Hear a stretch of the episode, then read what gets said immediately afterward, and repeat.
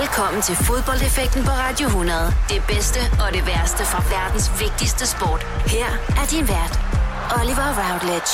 I feel glorious, glorious. Velkommen indenfor til endnu en udgave af Fodboldeffekten. Programmet, hvor vi snakker om fodboldminder. Minder, som kan forankre en person til et vist sted med nogle specielle personer, og som skaber den glæde og eufori, som kun fodbold det kan.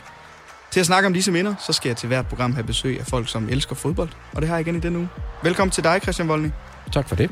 Du er kommunikationschef hos Right to Dream, og så driver du også fodboldpodcasten Fodboldministeriet sammen med Lars Jakobsen, landsholds Lars.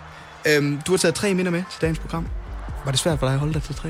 Meget svært. øhm, men det, det er også en svær proces at arbejde sig igennem hele det hukommelse, hukommelsesregister, man har, og nå frem til, hvad er egentlig det, der har betydet mest. Fordi der er jo millioner af fodboldminder, man har.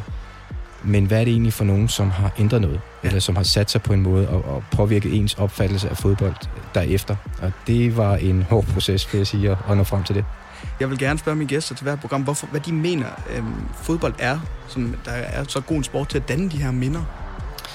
Altså for, for mit vedkommende var det jo en, en åbenbaring i forhold til, hvad en sport kunne betyde for, for mennesker, for deres tilstand, for deres opfattelse af, af, af det, de var en del af, af hvilket land de kom fra, hvilken kultur de hørte til, øhm, og, og måske også efterfølgende, når man så er blevet lidt ældre og har, og har været en del af fodbolden på mange måder, kan man jo også se, hvad, hvordan folk identificerer sig med noget. Hvordan, hvad det betyder for dem i alle mulige andre aspekter af deres liv end, end bare fodbold. Øh, og, og for mig er det, jeg tror ikke, jeg er færdig med at lære, øh, hvad det angår, fordi jeg synes hele tiden stadig, jeg ser flere og flere aspekter af, hvad, hvad fodbold egentlig kan. Jeg ynder at sige, det er verdens bedste sport i min intro, og det, det synes jeg i hvert fald, det er. Det, det kan vi godt blive øhm, Om et øjeblik, der, der vil jeg gerne have, at vi snakker lidt om, som jeg siger i introen, du er kommunikationschef hos Right to Dream. Øhm, hvad det er for, for et, et projekt, og, og hvad, hvad I egentlig gør for, for fodbolden, det vender vi altså lige om et øjeblik her i Fodboldeffekten. Du lytter til Fodboldeffekten på Radio 100 med Oliver Routledge. Vi er i gang med den uges udgave af Fodboldeffekt, hvor jeg besøger Christian Volny.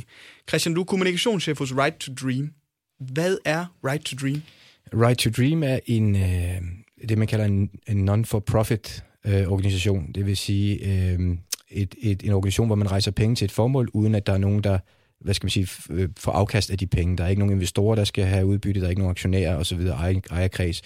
Øh, og visionen her er at, at give nogle muligheder gennem fodbold eller gennem sport, øh, Øh, til nogle unge mennesker med talent, der er fra områder, hvor at øh, mulighederne bare ikke hænger på træerne.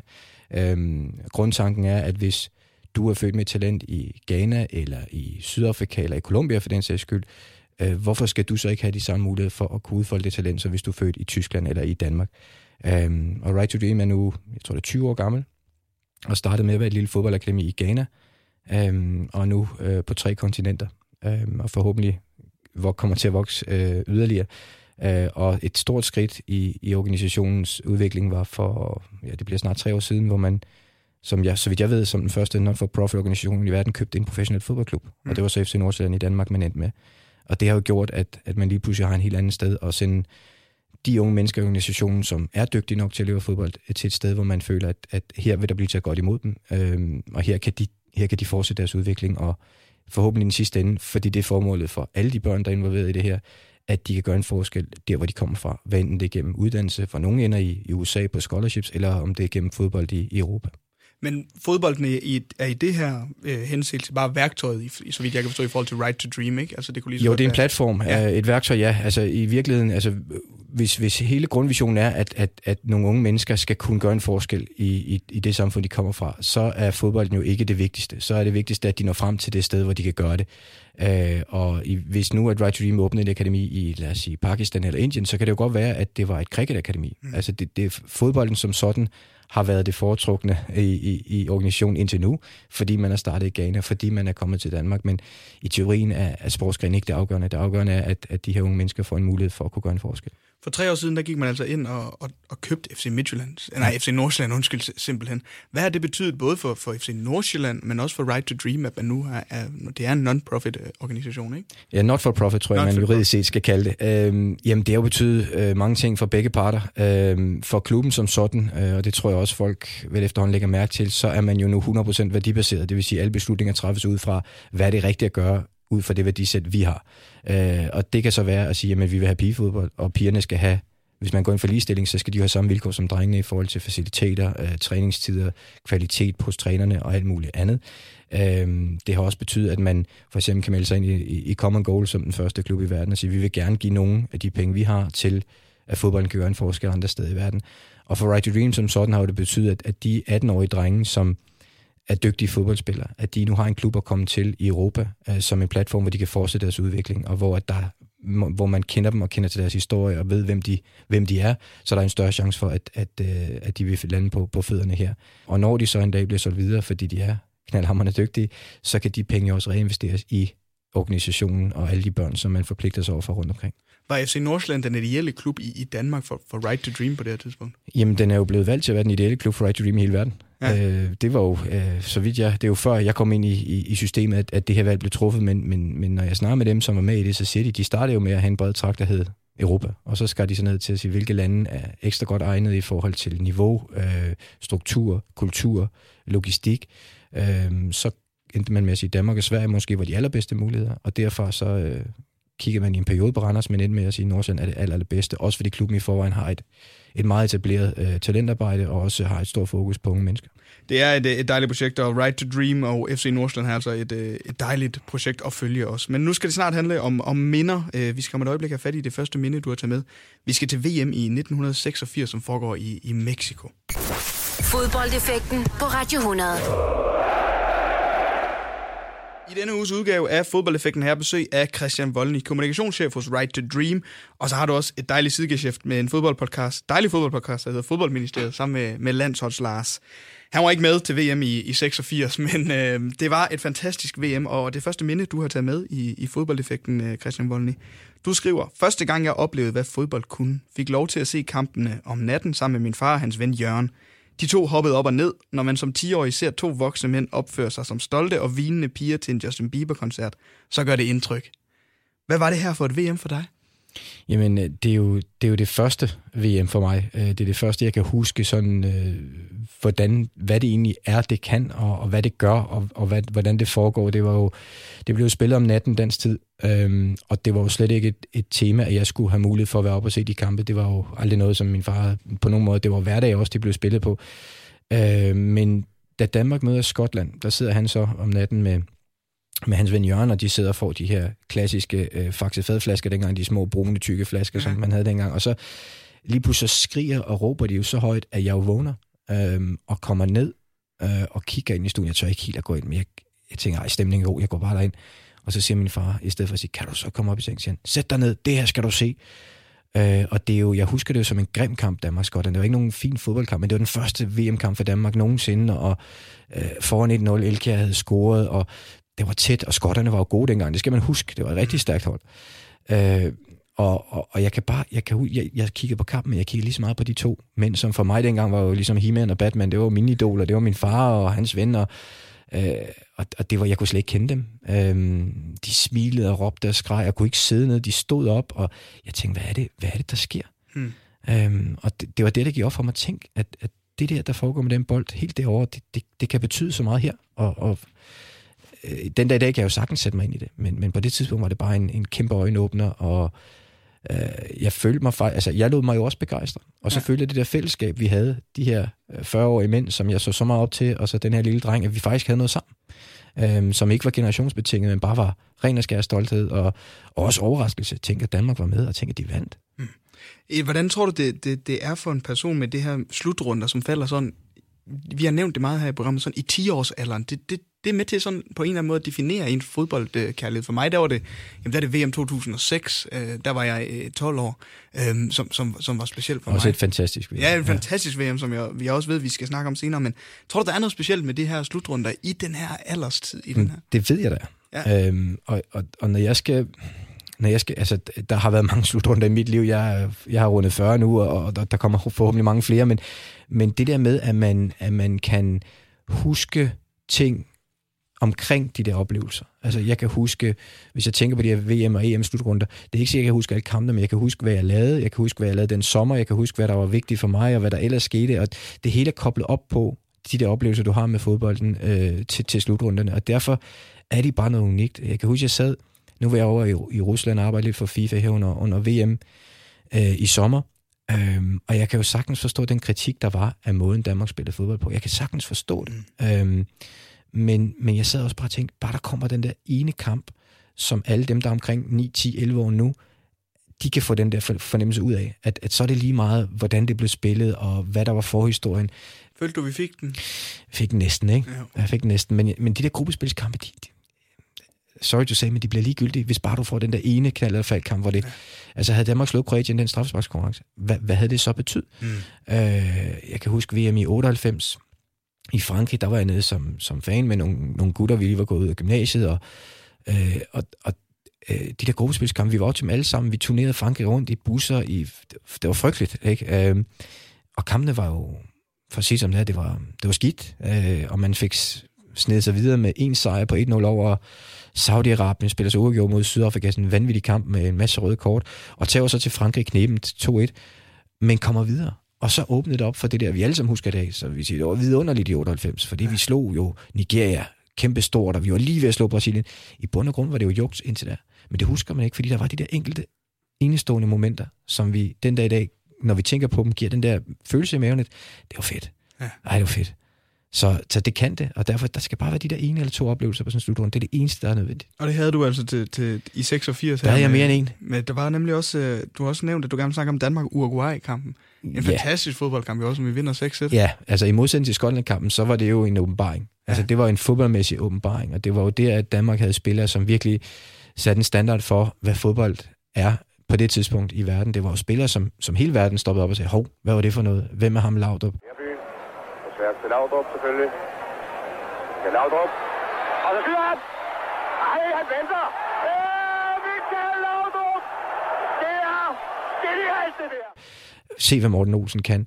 Jesper Olsen er da en fantastisk spiller. Altså, der var nogen, der bare lige pludselig gik fra at være danske spillere til at være verdensstjerner, og ja. de kom fra Danmark. Og, og de havde jo den der tilgang til det, at når jeg sad og så øh, på Svend Giers og Danmarks Radio, det var jo det, der var. Der var jo ikke noget internet jeg slugte det hele råt. Altså, det var folk, som jeg kunne have mødt nede i min egen fodboldklub. Nogle af de gamle drenge, når man var dernede, de, de snakkede sådan, de opførte sig sådan.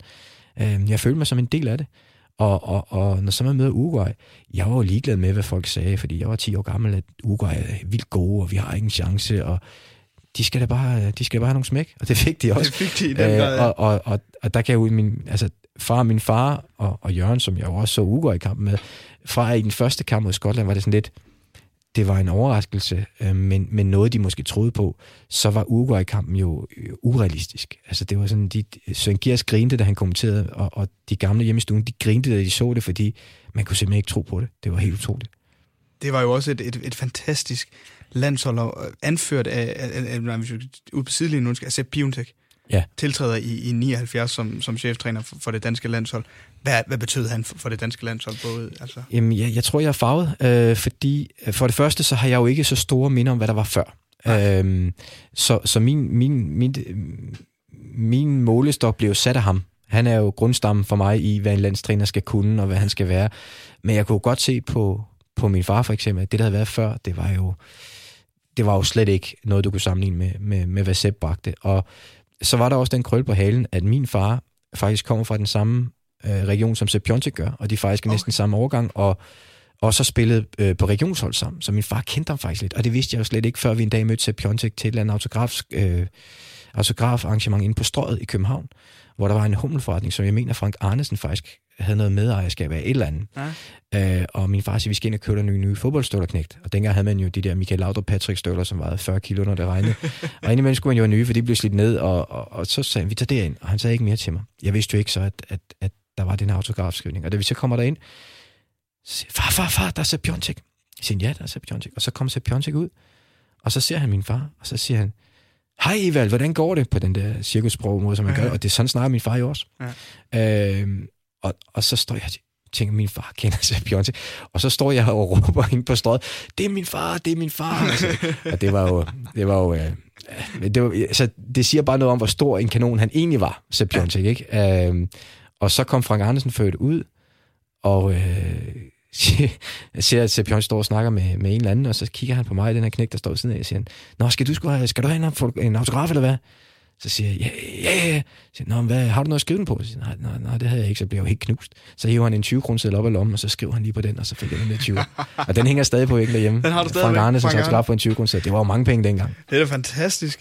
Men det her landshold, hvis vi lige skal lige hive fat i det, altså jeg, øhm, nu sad jeg og, og forberedte på det her, og så, altså, hvor god Preben Elkær var i den her kamp i, imod Ur- Uruguay. Altså, scorer hat Han scorer sy- 37 mål i 58 kampe, er han oppe på efter, efter det hat øh, for det danske landshold. Laver også to assist. Altså, hvor god var Preben Elkær ikke også lige på det her tidspunkt? Jeg husker ham mest som et bedst. Altså, det, hvem, hvem skulle stoppe ham? Ja. Altså, han udfordrede jo alle. Øh, Dengang spiller vi jo med, med det her manddækkersystem, ikke? At man spiller mand-mand. Mm. Og de satte de, det ene bedst efter det andet op på Preben Elkjær, og de sparkede til ham, og de hævde i ham, og, og det så bare ud, som om han elskede det. Og, og, og hvem, at han udfordrer dem. Hvem skal stoppe mig? Kom så, giv mig, hvad I har. Ikke? Og det var driblinger, hvor den blev bandet ind og kom videre på en eller anden måde. Eller han skubbede jo også, og han kunne også finde på at bruge det ene eller det andet. Men det der drive, den der sult, øh, som jeg opfattede som udansk dengang. Altså virkelig. Ja. Øhm, han var sgu ligeglad, hvem de var, og hvad folk sagde. Han skulle bare lave mål. Vi skulle bare vinde. Øh, og, og, og så havde du Michael Laudrup som hans modsætning, udefra set, den her meget elegante, meget stille, lidt sådan smilende, men også så, så ufattelig øh, poetiske mand, når han spillede fodbold. De to sammen var jo, det var yin og yang, ja. og, og, og jeg havde aldrig set, øh, set det på den måde, for jeg har aldrig haft de tanker før, at når det, det er sådan noget, man kan sammen. Altså jeg tænker, at hvis du er en god spiller, så vandt du, hvis du ikke havde en god spiller, så tabte du. Men det de to kunne sammen, og så de andre, der ligesom supplerede dem, og, altså det var et helt fantastisk fodboldhold, som den dag i dag stadig sætter barn for, hvad dansk fodbold skal turde kunne og tro på, at de kommer til at, til, til at kunne sammen. Ikke? Fordi har vi nogensinde haft et dansk landshold, der har haft det niveau sidenhen? Nej, det har vi ikke. Det føler du ikke, vi har? Nej, det tror jeg ikke. Fordi jeg skal nemlig, jeg skulle nemlig til at spørge dig, altså, fordi det er, jo, det er Jan Mølby, Jesper Olsen, Preben Elkær, Michael Laudrup, Lerby, Arnesen, Morten Olsen. Og de spillede smukt fodbold. Det, og det er klassespillere, bærende spillere fra de største klubber i verden på det tidspunkt. Ja. Øh, og, og det har vi jo ikke set siden. Øh, og EM92 som enestående resultat, ja, selvfølgelig øh, det største, men hvis du kigger på, hvad holdet kunne over for det hold, som vi så i 86, så, så har vi ikke været i nærheden siden. Hvor meget det var ned til spillerne, og hvor meget af det var ned til ham, som vi snakker om før, Sepp Piontek? Jamen, vil de der spillere nogensinde have fundet øh, den fælles øh, sag og det fælles fodslag uden ham? Det er meget, meget tvivlende om. Altså, jeg tvivlende på. Jeg tror, talentet har jo været der, mm. øh, og jeg tror hver især, at de kunne have haft deres karriere, men sammen som et landshold er jeg ikke i tvivl om, at, at det var Sepp Piontek, der er fundamentet for det. Og vi går, altså, vi går videre fra gruppen med Danmark, altså øh, tre sejre over Skotland, Uruguay, men også over, over Vesttyskland. Så taber vi så desværre til, til Spanien 5-1 og, og ryger ud med, med, med et brag, men, men det her VM i 86 er jo noget, som rigtig mange snakker om. Var det, fordi vi spillede så god fodbold på det her tidspunkt? Ja, det, og så også det med, at det kom. Altså, det var jo manifestationen. Det var jo der, Danmark blev en fodboldnation, som, som kunne noget. Mm. Altså, det var jo der, hvor vi ligesom, også på international plan, sagde, se hvad vi kan, og, og vi gør det for øvrigt på vores egen måde. Øh, det tror jeg har været så vigtigt i forhold til, hvordan vi har opfattet dansk fodbold siden da. Og også det forventningspres, der er kommet. Altså, det er, jo, det er jo ikke nødvendigvis en god ting, men det er jo med til hele tiden at udvikle os hen imod og tro på, at vi kan og skal skabe de resultater, vi gør. Øh, den kamp mod Vesttyskland, som jo mange vil sige, det var bjørntjenesten, vi gjorde selv. Øh, I stedet for at med møde Marokko, så endte vi med at møde Spanien. Øh, men stadig, Vesttyskland på det tidspunkt var jo, det var urørligt. Det, det kunne man da ikke. Det var maskinen. Øh, og min far, som jo også havde en baggrund øh, i, i, i det område, der ligesom Sepp havde, for ham var det jo, og det kunne jeg jo mærke på ham, og det var jo en stor indflydelse på mig, han, han blev jo også rørt. Øh, det var på en eller anden måde et opgør, et endeligt opgør mod en, en storebror, som man endelig kunne, kunne sætte på plads i, i frikvarteret, når det var nødvendigt. Det var din far, du fik lov til at se de her fodboldkampe med om natten sammen, sammen med hans ven Jørgen. Du nævner også din far i forbindelse med den her hummelbutik, og I var inde og møde, og han kendte Sepp Piontek. Hvad betød din far for dig og din fodboldkærlighed, fodboldforståelse i den her tid? Min interesse for fodbold kom jo gennem ham. Ja. Øhm, det gjorde det. Øhm, sidenhen er min jo blevet meget værd end hans. Han følger jo slet ikke med, som jeg gør. Øhm, han er jo heller ikke internetgenerationen og alt muligt andet, men, men interessen kom via ham. Bekræftelsen, jeg fik fra ham, følte jeg ofte kom gennem, at hvis jeg havde været god i en kamp, han havde været ude at se, eller hvis jeg, hvis jeg trænede meget, øh, så fik jeg også en form for bekræftelse fra ham, som ikke nødvendigvis kom fra, at jeg var flittig i skolen. Så, ja. så øh, det, det, altså, det der fodbold i forholdet mellem ham og mig har, har fyldt utrolig meget, og har været en, en, en, et pejlemærke for mig, om, om, om jeg havde noget med ham, om, jeg var på, om vi havde noget sammen, som var, som var godt i virkeligheden, også i de perioder, hvor der måske ikke var så meget andet at, at samle op. Ja, fordi mange fodboldmænd er jo også defineret af, hvem man er sammen med på tidspunkterne. Og der kan man i hvert fald fortælle ud fra det her at, at din far har betydet meget der. Uh, utrolig meget. Um, og også når han... Uh, han havde jo selv spillet, da han var yngre, og han havde spillet godt jo, hvis man har spillet sammen til Piontek sammen. Ja, han spillede godt jo. Øh, men han spillede jo ikke, øh, da, da jeg var dreng. Øh, da han kunne sparke med mig i haven og sådan noget, ikke? Men, men jeg følte lidt, at hvis han var ude og se mig spille, så var jeg god nok til, at han gad at komme ud og se mig spille. Ja. Og det gav mig noget motivation til at knokle på. Jeg var aldrig en, en kunstner på en fodboldbane, men, men jeg kunne godt gå til den, og jeg gav, hvad jeg havde. Øhm, og så kunne jeg også se, at det var han, det var han stolt af. Så du gerne imponere ham, da du startede med at spille fodbold? Det var nummer et, ja. Ja, det er fantastisk, og en dejlig, dejlig historie, og et fantastisk VM lyder det jo også til det her i, i 86. For mig står det jo stadig som noget, der aldrig kan... Og det kan godt være, fordi jeg var 10 år, men igen, øh, jeg vil bare ønske alle dem, der er det nu, at de får sådan en oplevelse, fordi det, det, det, det er jo ikke givet, at der sker noget rigtig godt for dansk fodbold lige præcis på det tidspunkt, hvor de har den alder, hvor man, hvor man kan skabe sig de minder, som jeg stadig den dag i dag kan huske så tydeligt. Øhm, og det kan jeg ikke med noget andet, fra jeg var 10 år gammel. Fodboldeffekten på Radio 100. De største og de værste øjeblikke i fodboldhistorien. I denne uges udgave af Fodboldeffekten er her besøg af Christian Volny. Du er kommunikationschef hos øh, Right to Dream, og øh, så driver du fodboldpodcasten Fodboldministeriet med øh, Lars Jakobsen. Christian, det næste minde, du har taget med, det er et trist af slagsen, men det ender, det ender på, på, på sin vis godt. Det var dengang, at Jonathan Richter han blev ramt af, af et lyn. Det er den 20. juli 2009, det her det sker.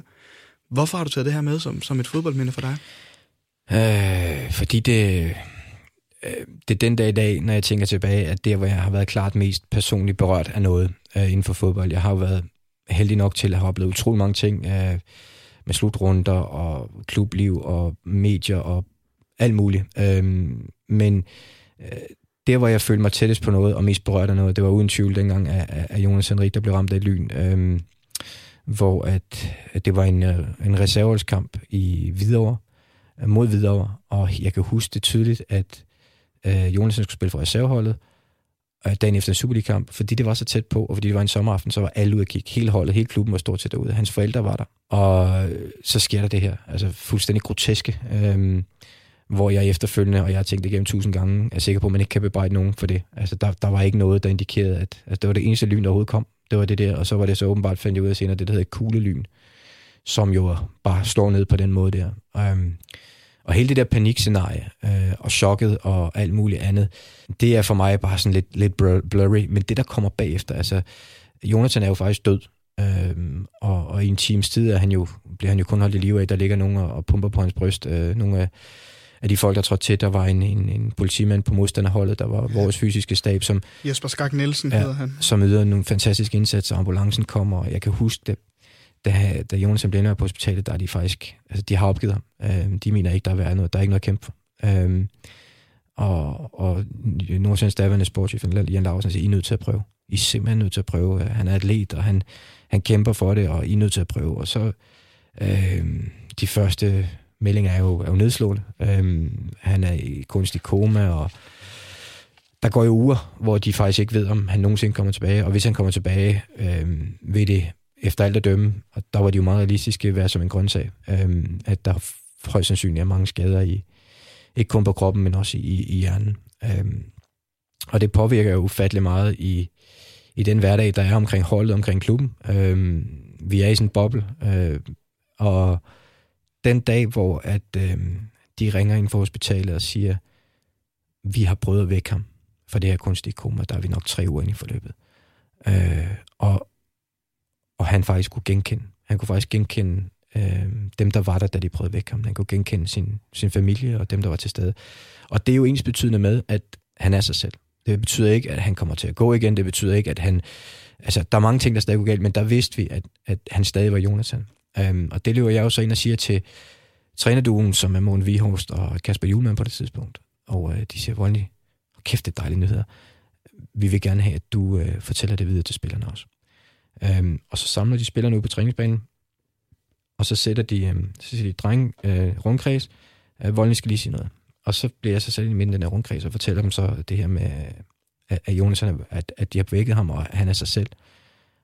Og uh, så er der 25 voksne mennesker, der... Altså, nogen begynder at danse rundt og råbe og skrige, andre bryder, bryder ud i, i gråd, og det var så stærkt et øjeblik, at, at jeg stadig den dag i dag sidder og bliver rørt af det. Øhm, og, og det er, det er svært at beskrive, øhm, hvor meget det egentlig satte sig, og hvor, hvor hård en tid det var, og hvor utrolig en, en, øhm, en befrielse det var.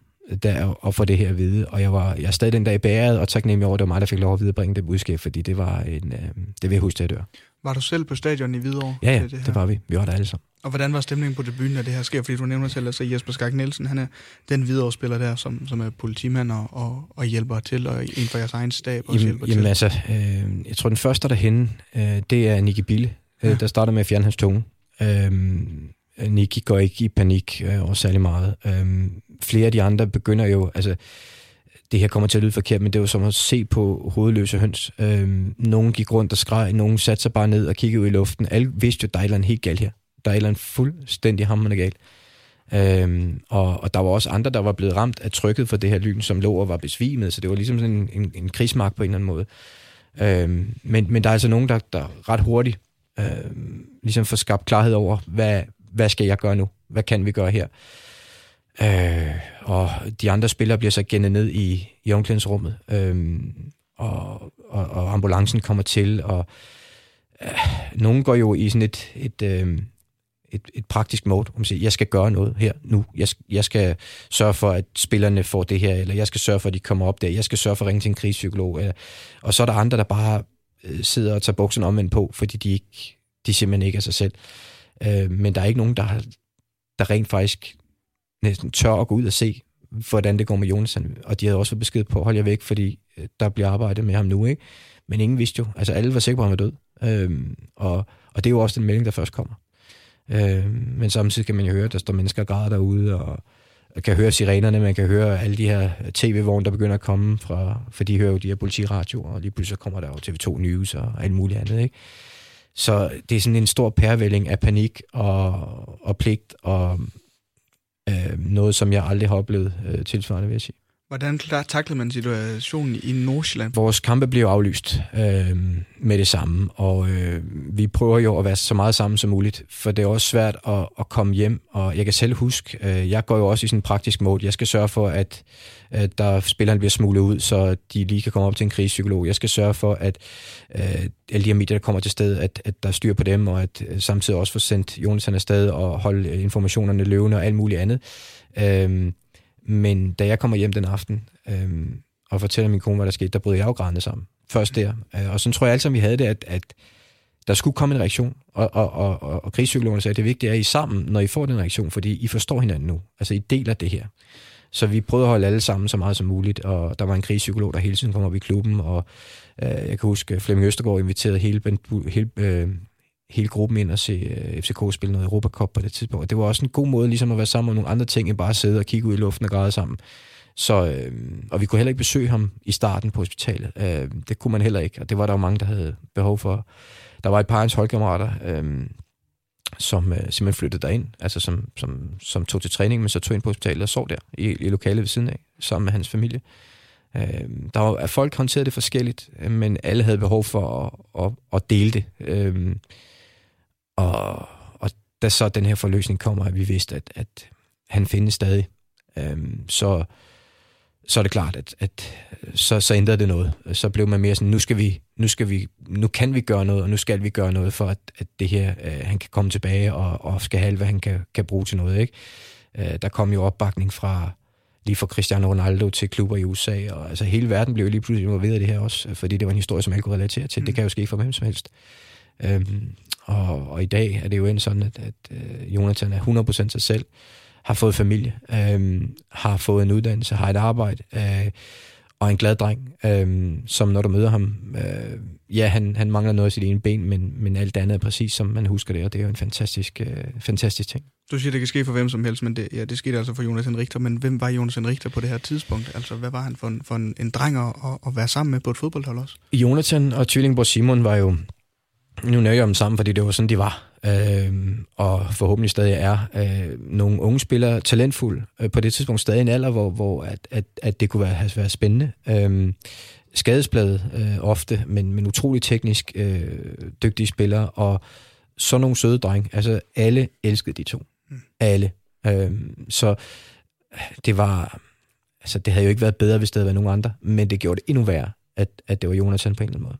Ja, fordi han var så elsket af alle. Ja, altså, altså der er simpelthen ikke gram ondskab i, i den knæk der. Og det er jo, altså, som du også siger, han er sig selv nu har fået, fået skabt sig en familie. Snakker du kend, altså, hvor godt kender du Jonathan nu? Og... Jamen, jeg har mødt ham et par gange sidenhen. Han inviterede mig også til, øh, hans, en, en i hans familie øh, har lavet en film om, om hele det her forløb, som havde premiere i en biograf, og jeg også blev inviteret ind og, og snakket med ham dengang. Og ellers så løb jeg ind i ham her i, øh, i, øh, i sommer, øh, hvor vi deltog øh, med vores lille hyggepodcast, deltog vi i et projekt, hvor vi skulle prøve at hjælpe med at sende hjemløse landsholdet til VM i fodbold og samle nogle penge ind til det, så de holdt en fodboldturnering på Rådhuspladsen. Og der er Jonas han faktisk med på et af de hold, der stiller op. Der stod han på mål for det ja. dem, ikke? Så stod man ind i ham det, og han er stadig, selvom han har et, et kunstigt ben, så stiller han op og spiller fodbold, selvfølgelig gør han det. Øhm, og han er glad, øh, og det, det, det var dejligt at møde ham, øh, når man imellem gør det. Men jeg har ret i, du, du er kommunikationschef i FC Nordsjælland på det her tidspunkt, Ja. ikke? Øh, Og som du selv siger, news kommer, og alle nyhedsmedierne kommer lige snart, der er noget om Jonathan Richter.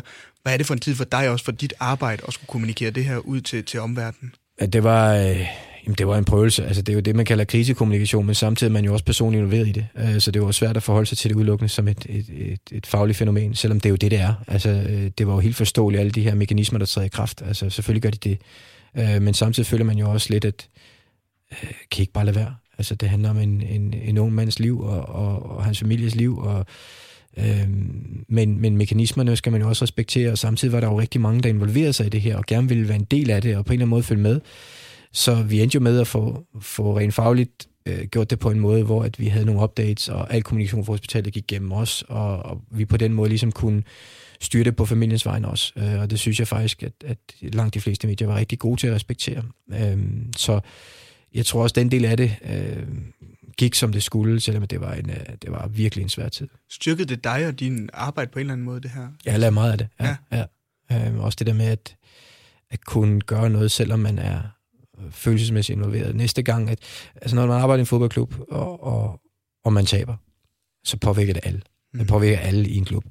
Øh, Men, men det skal jo helst ikke påvirke måden, man agerer over for andre på. Øhm, og der har jeg da kun huske mig selv på mange gange, også i min tid i FCK, når man havde en hård periode, at man kunne skulle stadig godt behandle journalisterne eller alle mulige andre på samme måde, som man altid vil gøre, fordi det er jo kun en fodboldkamp, og det er jo øh, det er ikke altid, man som fan af en klub eller, eller noget andet kan sige, at vi tabte, og hvad så?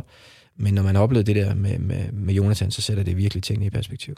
Det er jo et, et minde, som alle fodboldelskere i Danmark, og alle os, der kender til fodbold, de kan tydeligt huske det også. Jeg kan tydeligt huske, at hi- historien kom frem om Jonathan Richter, det var ja, fuldstændig skrækkeligt, men lykkeligvis altså, så endte det jo øh, med, at han, han stadig er iblandt og ikke, er ikke en grøntsag, og spiller basketball nu på, øh, og, og er rigtig, rigtig glad for det. Ja, rullestolsbasket, ja, og så vil jeg også bare sige, at han er nøjagtig lige så kvik, som han var øh, før øh, lynet slog ned. Det kan jeg stå inden for. Det er fantastisk, og øh, altså det andet minde, du har taget med i, øh, i fodboldeffekten den her uge, hvor du altså ja, skal fortælle øh, spillerne i FC Nordsjælland og staben omkring, hvordan øh, at Jonathan Richter, han, han stadig er Jonathan Richter. Fodboldeffekten på Radio 100. Der er altid noget, man husker. Jeg er i gang med denne uges udgave af Fodboldeffekten. Jeg er så heldig at besøge af Christian Voldny. Christian, du er kommunikationschef hos Right to Dream, og så driver du podcasten Fodboldministeriet med landsholds Lars, Lars Jakobsen. Det sidste minde, du har taget med i Fodboldeffekten, det handler om VM 2006, måske mere specifikt VM-finalen, altså imellem øh, Italien og Frankrig. Hvad var VM 2006 for en størrelse, siden vi skal snakke om det? Jamen, jeg synes godt, man kan... Altså, nu er det klart, finalen er jo et højdepunkt på mange måder, men, men hele turneringen var exceptionelt god. Øh, jeg var dernede for TV2, som jeg arbejdede for dengang. Øh, Danmark havde desværre ikke kvalificeret sig. Øh, meget ærgerligt, men, men det VM øh, var bare så godt arrangeret. Øh, det var et stort land, øh, hvor stadioner var placeret rundt omkring, øh, så man kom vidt omkring. Samtidig var det stort set solskin fra første dag til sidste dag. Det var bare en voldsom god sommer. Øh, hele landet var engageret i det der. Hele landet i Tyskland var bare op at stå, øh, fordi der var VM i fodbold. Man kunne mærke det alle steder. Øh, og så øh, var der jo også det med, at Tyskland jo øh, bliver genfødt her. Altså det er der, hvor Klinsmanns landshold når langt, og, og ligesom tyskerne rejser sig øh, med, med rangryg igen i, i fodboldmæssig forstand. Så der var bare så mange ting omkring det der VM, også logistikken, øh, det hele spillet, øh, og det kan jeg bare sige, det kan man ikke tage for givet, når man, jeg har været til syv slutrunder, og det kan man ikke tage for givet, det gør.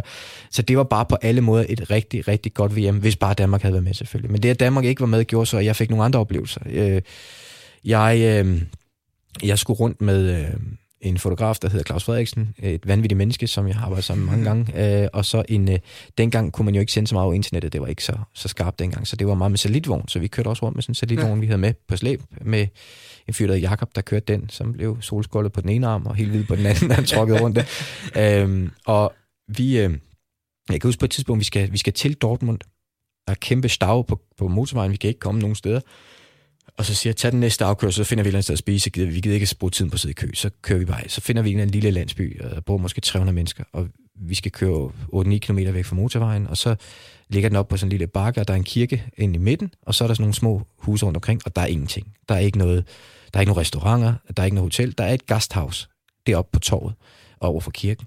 Og der kører vi så op med at parkere midt på torvet, fordi det var det eneste, sted, den der SNG øh, satellitvogn kunne holde, og banker på, og så kommer der sådan en mand ud, og det er jo, han bor oven på sit gasthouse, og der er jo helt tomt, så siger, hvad, kan vi få noget at spise? Og, og jo, det havde han ikke lige set komme, men det var okay, han havde der nogle snit, han lige kunne køre i, det, det skal vi have.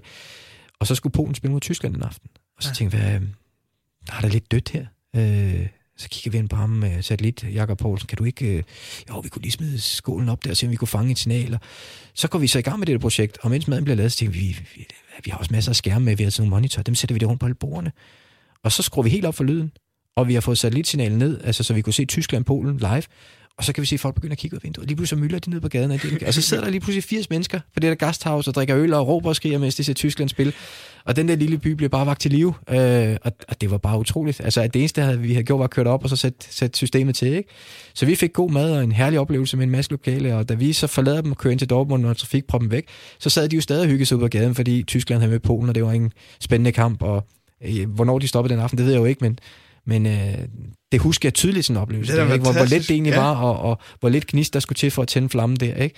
Især i sådan en lille flæk af en by, hvor, hvor de intet med havde med ja. VM at gøre som sådan. Så øh, jeg har mange gode oplevelser fra, fra det VM. Ja, og det er jo også et, et, et, et godt VM. Altså det her med, at du siger, det, det er afviklet i Tyskland, det er godt afviklet, alt fungerede. Hvad betyder det for dig, at den slutrunde er afviklet i et land, hvor det fungerer? Altså, hvis vi skal tage også, også kulturen ind i det, øh, når der bliver afholdt VM i steder, som der måske ikke har den største fodboldkultur. Føler du, at de VM for eksempel i Tyskland eller i Brasilien, altså at det, er, det, bliver, det bliver bedre, at du også har kulturen med dig? Det synes jeg. Jeg kan også nævne EM i 96 i England, som ja. jeg også synes var, var lidt, altså hvor det slogan var Football's Coming Home. Mm. Øh, og det gjorde det. Altså, øh, jeg boede på et tidspunkt i, i Sheffield og i York og alle mulige med Derby, nogle mindre byer i Midt-England, og der var, der var, der var sgu også fodboldfeber. Øh, og det er det, sådan nogle lande kan, hvor der er en fodboldkultur, at alle lader sig engagere i det, og de kan jo også begynde at sætte pris på, at, at det andre lande, der spiller i nærheden af dem, at det måske ikke lige er England, men så er det Rusland mod Spanien eller et eller andet, og så kommer de op og kører over det, fordi det er fodbold, og det er på deres stadion og sådan noget. Øh, det skal, en, i min verden skal en, en værtsnation kunne mønstre det. Mm. Det synes jeg, de skal. Og jeg håber øh, til EM om øh, halvandet år øh, i Danmark, at man får det samme, og se, at at danskerne slutter sig til begivenheden, og ikke kun hvis Danmark lige skal spille, men, ja. men, men alt det fodbold, vi får, vi får til, at man, at man slutter til sig, fordi det er en kæmpe ting, hvis ellers man, man omfavner det. Øhm, logistikken er jo mest i forhold til det, man skal have et arbejde, man skal gøre, øh, og, og spille tid i køer, eller at man ikke kan komme frem og tilbage. Det er jo bare irriterende. Øh, men øh, sådan på lang sigt, at det man husker, er jo om, om, om et, en, en værtsnation har fået en fest ud af det, har fået en oplevelse ud af det, og har forhåbentlig også fået en vækst i deres egen fodbold, som de kan bygge videre på, når, når, når en slutrunde er forbi. Frygter du, der kan gå lidt dansk smålighed i den, når det her EM det skal komme, komme til Danmark, at vi ikke gider se det, hvis ikke det er Danmark, der spiller? Nej, det tror jeg faktisk ikke. Nej. Det, det, det tror jeg faktisk ikke. Jeg tror, vi er rigtig klar til det der. Øhm, men det er da 100 gange federe, hvis, hvis Danmark spiller på hjemmebane. Ja. Øh, det vil da blive helt utroligt. Det her VM i, i 2006 med, med, med altså Italien-Frankrig i, i finalen, er du også med til at, til at rapportere derfra for, for TV2, altså i de afgørende kampe i det her VM? Ja, altså nu var Danmark jo ikke med, og derfor så var jeg ligesom, jeg fulgte bare de store kampe. Jeg tror, vi kørte 18.000 km i løbet af den slutrunde, for at ligesom komme fra stadion til stadion. Du skal lige fra Leipzig til München, og så fra München til Dortmund, og det var fint nok, det gjorde vi så. Men øh, de sidste par uger, der følger vi bare Italien. Der er vi, der er vi bare med dem. Øhm, okay. Og de ender jo med at gå hele vejen. Øh, og, og derfor så øh, er vi jo både til en, øh, en semifinale i Dortmund mellem Italien og Tyskland. Mm. Fuldstændig vanvittig spændende oplevelse, øh, som italienerne 1-0, en kæmpe kamp. Øh, og hvor tyskerne går ud med stoltheden i behold, og, og, og det var ligesom anerkendelse af, okay, vi møder også bare et hold, som var, der var ikke noget sådan bitterhed, det var virkelig bare en, et brag af en fodboldkamp, som, som ender på den måde der. Øh, og italienerne går så i finalen og skal møde Frankrig. Og den skal vi også dække. Øh, og øh, jeg rapporterer jo inden kampe, jeg rapporterer efter kampe, men under kampe, der sidder jeg jo op på det, der hedder øh, TV2's Observer Seat. Og mm. den er jo ved siden af kommentatorpladserne, hvor øh, Flemming Toft og Anne Mølby sidder. Så jeg sidder op på stemme til stort set alle kampene, øh, vi er til, og øh, også i finalen. Og så sidder Flemming Toft, Jan Mølby, så sidder jeg, og så til venstre for mig, Jan Mølby sidder på min højre side, og så til venstre for mig, der sidder Diego Maradona, som kommenterer for Spansk TV. Ja, Ja. Så der sidder en sandwich øh, mellem de to her der, og jeg, jeg sad flere gange til, hvor er det dog vildt. Øh, fordi Diego på det tidspunkt, det var inden han gik helt galt i byen, øh, var, og jeg er stadig en kæmpe kanon, ikke? Og et ikon for, for min generation, 86-generationen, ikke? Øh, og Mølby havde jeg også altid, udover han, var en, han er en, et dejligt menneske, så var han jo også en spiller, som jeg beundrede rigtig meget, da jeg var dreng. Så jeg sidder så mellem de to og kniver mig selv i armen, og, og så det her, det er så en VM-final i fodbold. Og her Ja. sidder jeg, ikke? Og så var det jo også virkelig et, et drama, øhm, så tæt og intenst, og på det her renoverede olympiske stadion i Berlin, mm. som jo også var en sindssyg kulisse. Øh, og så afgørelsen på kampen, altså hele det her drama, og, og det her med Zidane, den der skalle, som jo, jeg tror stadig ikke, der er mange, der ved, at det var jo det, måske det første var, der nogensinde har været. Øh, fordi det, der sker, er jo, at vi sidder oppe på kommentatorpladserne, der har alle, alle pladserne har sådan en skærm, hvor de kan følge med. Ja. Øh, hvor man kan se, hvad skete der, så kommentatoren ligesom er, var der straffe, var der ikke straffe, og når, hvordan så det mål ud. Og lige pludselig så ryger signalet.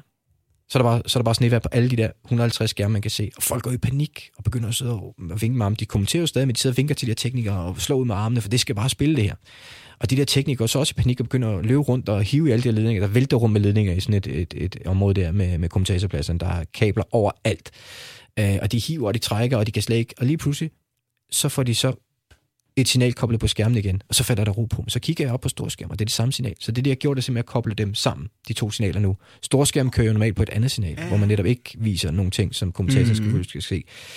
Og da så Zidane, øh, altså lige pludselig ligger Materazzi jo ned, og Zidane han er sådan, uh, han er lige daffet væk derfra, og hvad, hvad skete der? Og så kommer den jo på, på, på kommentatorens skærme, episoden, mm. fordi de har fundet det ude i, i, i produktionsvognen. Her giver han ham en skalle, det er der ikke kamera, der er fanget. Men så kommer den jo på storskærm samtidig, fordi de, de var jo slået sammen efter det her tekniske uheld. Mm. Så den kommer også på storskærm. Og så står dommeren jo og kigger det op, og der går et sus igennem publikum. Alle ser at han giver ham en skalle. Og så får han så det røde kort. Men han havde aldrig fået det røde kort, hvis ikke den var kommet på storskærm, for dommeren havde ikke set det. Og det var verdens bedste spiller på det tidspunkt. Øhm, så måske det havde en afgørende betydning. Måske ikke, men det var, retfærdigheden skete jo føles, selvom det var på en, en lidt alternativ måde. Hvordan ser du uh, Zidane? Altså, han scorer jo på, på straffespark og sådan noget, men, men det her, det er jo samtidig også hans, hans farvel til det, til det franske landshold og, og til fodboldverdenen. Altså, han går jo ud som en bad boy, men har han i, ikke aftjent sin værnepligt inden da som fodboldspiller? Jo, jo. Altså, jeg synes jo heller ikke, det har farvet. Altså, det, det er ikke farvet hans eftermæl, synes jeg. Uh, han var jo Øh, han var jo Frankrigs Michael Laudrup, altså en, en gentleman på banen. Øh, at det her så sker i den aller sidste kamp, det er jo selvfølgelig øh, et vanvittigt scenarie, men jeg synes ikke på nogen måde, det, det farver det eftermæle, han er efter, hos mig i hvert fald, øh, mm. som en, en fantastisk spiller, og som en, en hedersmand på rigtig mange måder, øh, som ikke pev, som ikke råbte, som ikke skabte sig, men som altid leverede, øh, og som både kunne, kunne øh, altså det var ikke kun ballet, det var altså også hårdt arbejde. Øh, han var en altid spiller, som havde en fantastisk teknik, og, og Øh, og som træner er jo også en gentleman. Øh, har han bevaret den der personlighed, synes ja. jeg, i, i, i det han gør. Så for mig er det et kuriosum og en krølle på halen, og, og, og, og vanvittigt, at det sker i hans sidste kamp selvfølgelig. Ikke? Men, men omvendt, så kan du også snakke om at gå op with a bang i, i den grad. Ja, det, han er i hvert fald blevet, blevet tilpas provokeret af Materazzi, der nok heller ikke er helt stor. Materazzis eftermæle tror jeg er lidt anderledes. Ja. ja. ja. Øhm, men hvis vi skal tage, altså nu snakker vi tidligere i programmet om, om VM 86, og måske sådan fodboldmæssigt og, og stilmæssigt er det de bedste VM, men hvis du sådan skal basere det på oplevelser, og hvordan et VM altså, var, er det her ikke også et, et af de bedste VM for dig? I 6? Ja. Jo, jo. Øh, absolut. Øhm, det er den bedste slutrunde, jeg har oplevet. Ja. Øh, I Mexico var jeg der jo ikke selv. Øhm, oplevelsen fra Mexico, altså minderne fra Mexico står klare for mig, fordi det var alt det, jeg beskrev tidligere, men, men ud fra et, et, altså ud fra logistik, ud fra engagement, ud fra arrangement, ud fra alle mulige parametre, så er for mig Tyskland 6 den bedste slutrunde, jeg har været til. Og slutrunder generelt, hvad, nu du har været til syv slutrunder, siger du, hvad er det, en slutrunde kan? Sådan helt nøgternt. Altså, hvad, hvorfor er slutrunde så fed? Øh, fordi de kan begejstre, og fordi de kan samle. Altså, det tror jeg for mig er de to vigtigste ting. Ja. Øh, fodbold er fodbold, men når fodbolden viser, at den er i stand til at få hele verden til ikke at snakke om øh, terrorisme og racisme og klimaforandring og alt muligt andet i, i fire uger, det er altså noget af en bedrift. Øh, måske den største bedrift i forhold til, at det er noget, vi snakker rigtig meget om, og som ingen andre ting rigtig kan fjerne fokus fra. Det skal de heller ikke. Det er jo sindssygt vigtige ting. Men når der er fodbold-VM, så sker der bare noget. Mm. Det er fantastisk, og jeg havde også selv fornøjelsen af at være en tur til, til VM i, i, i år, men der, man er samlet på en anden måde, altså til, til sådan en, en slutrunde, føler jeg. Ja, altså Rusland var jo slet, ja, men Rusland var jo slet ikke altså, på nogen måder øh, i min top 4 overhovedet, Nej. i forhold til, at, at det jo var meget låst til de steder, der blev spillet, og lokalbefolkningen måske mere synes, det var sådan sjovt, men ikke, mm. ikke mere end det.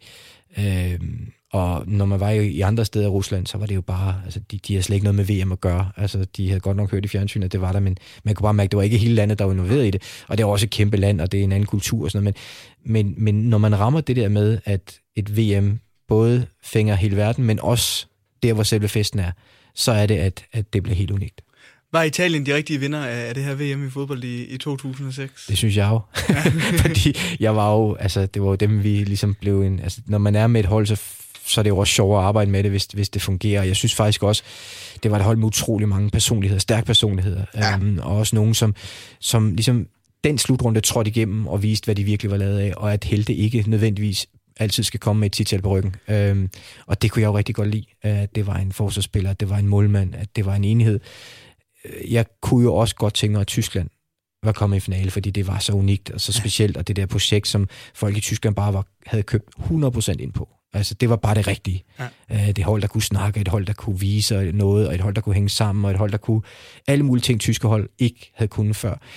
Dem kunne jeg godt have undret noget hele vejen, men, men kvalitetsmæssigt synes jeg, at det var de to bedste hold, der endte der. Og man kan jo nævne op, altså uh, Buffon, Sambrota, Cannavaro, Materazzi, Grosso, Gattuso, Pirlo, Totti, Toni, Del Piero. Altså det ja. er... Men altså, Cannavaro var jo virkelig en hjørnesten. Ja. Og så var altså, Gattuso kan jeg også huske, når der var de her... Uh, italienerne gør det jo med stil, så, uh, hvor de andre hold har et eller andet slot eller hotel, som de ligesom, det er vores, og så har de en træningsbane, og så laver de et telt, hvor man ligesom har nogle aktiviteter med pressen. Italienerne, de leger jo bare et stadion. De havde så i det her tilfælde, var det Duisburg stadion, som jeg husker det. Ja. Uh, og så havde, der trænede de. Og så uh, havde de lavet uh, tre restauranter derinde, med italienske restauranter, som de bare havde fået fløjet ind, hvor medier, uh, mediefolk og alle mulige andre fans, de kunne spise derinde, og så gik der så nogle, uh, så havde de hyret nogle unge modeller ind, uh, som gik rundt og, og tog sig af alle gæsterne og serverede mortadella og lidt af hver, lidt læ- lækkerier. Og de havde bare bygget en landsby, ja. hvor alle de her fans kunne komme og slå lejre og være en del af det, og, og, og hvor pressen ligesom kunne, også kunne blive, øh, lad os sige, godt behandlet, øh, så de sikkert også skrev nogle pænere ting om men, men det var så italiensk. Altså, det var, de kalder det jo Casa Azzurri, altså det, det blå hjem, og mm. det er jo mm. det, de gør, de bygger et hjem der, hvor de er. Øhm, og det er måske lidt mere, end, end hvad så mange andre har gjort, men det er meget italiensk, og så føler de også det deres. Ja. Så er det bare, at det, det, bliver, en, en, det bliver deres miljø, og, og de føler sig hjemme, øh, og deres pressekonference var øh, nogle mærkelige oplevelser, hvor de jo sad og, altså, det er jo ikke, du stiller ikke spørgsmål, du Nej. får bare fortalt, hvad okay. de synes, og så jeg kan huske, ham Gattuso kaldte, øh, kastede sig ud i en historie om, at Christian Poulsen og Totti, det der spytte, halløj, der havde været ved EM i, i, i fire, mm. at det i virkeligheden var et komplot. Altså det var, det var noget, der var arrangeret, øh, og at det bare tændte italienerne endnu mere her til VM, at de havde været offer for sådan et komplot. Altså fuldstændig vanvittige øh, teorier, men, men de har deres egen verden. Det lyder meget ja, italiensk. Ja, og øh, de, de, ham, øh, Totti, jeg tænkte, der var en dag, jeg gerne ville have et interview med ham, og vi stod og ventede i den her mixzone, og vi ventede og ventede, og jeg kan, jo, jeg kan jo snakke noget italiensk, fordi jeg er italiensk gift, jeg tænker, okay, de, hvis du ikke snakker italiensk, så gider de slet ikke at stoppe. Altså, jeg selv mig hen, væk fra de andre, det var i Kaiserslautern, de skulle møde USA, der var ikke så meget pres, jeg tænkte, her er en mulighed. Jeg stiller mig derhen i inden af mixzonen, lige inden de kommer ud, og står rigtig pænt og venter og spørger alle, nej tak og nej tak. Og det var faktisk Lars Berndt, DBU's gamle kommunikationschef, som havde ansvaret for det stadion ja. under det VM. Så han stod der og kiggede og sagde, Hvad, hvem vil du snakke med? Jeg, jeg vil gerne snakke med Totti, men der er jo ikke nogen, der stopper. Ej, det kan han også godt se, at det var også lidt ærgerligt. Så da Totti så kommer, til sidst. Og han har sagt nej til alle, han har bare gået forbi. Han har ikke engang givet at svare, hverken de italienske medier eller nogen andre. Han er, og så ser han den udgang, så tænker han, der sniger han sig lige hen. Og der står jeg også. Og jeg spørger ham så rigtig høfligt, undskyld her Totti, øh, kan vi få lov at stille bare tre spørgsmål til, til dansk tv, og det er på italiensk. Og han begynder så at på hovedet. Så Lars Beren, så tager han lige sin kuglepen, og så er han jo nødt til at bukse ned efter den, og så står han og blokerer hele den der udgang, lige der, hvor jeg står. så, Ej, så, så, så, fik vi trods alt vores tre svar på Totti, for jeg kan jo ikke komme ud alligevel. Nej. Øhm, Ej, det så det var, det var pænt af Lars Bjerg, at tage sin kuglepen. Tak ja. det var det super. Så han er ikke så slem, som folk siger. Han er en sød mand. Øh... Nogle gange er han i hvert fald. Ja, oh, det var godt. Et dejligt VM, det sidste minde, du havde øh, med i, i fodboldeffekten her. Øh, VM 2006, Italien-Frankrig, en legendarisk kamp, legendarisk VM, Zidane med en skalle også. Altså, og, og I havde et godt VM, hvor I lige kunne øh, redde en by for at se, øh, eller I hjælp, hjælp en by med at Ja, ja, vi fik dem lige VM-stemning, ikke? Det er dejligt. Tusind tak for det, Voldning. Du lytter til fodboldeffekten på Radio 100 med Oliver Routledge. Med de tre minder, så er vi altså nået til vejs ende med denne uges udgave af Fodboldeffekt. Vi har fået vendt Right to Dream, VM i 86, en uh, Jonathan Richter-historie bliver ramt af et lyn uh, tilbage i 2009, men uh, du fik lov til at overbringe nyheden til, til spillertruppen Christian Volden. Og så et VM i 2006, som jo i sig selv er, er fuldstændig fantastisk. Tusind tak, fordi du har lyst til at være med, Christian. Det var så lidt. Tak, fordi jeg måtte genopfriske nogle gode tider. Det må du altid.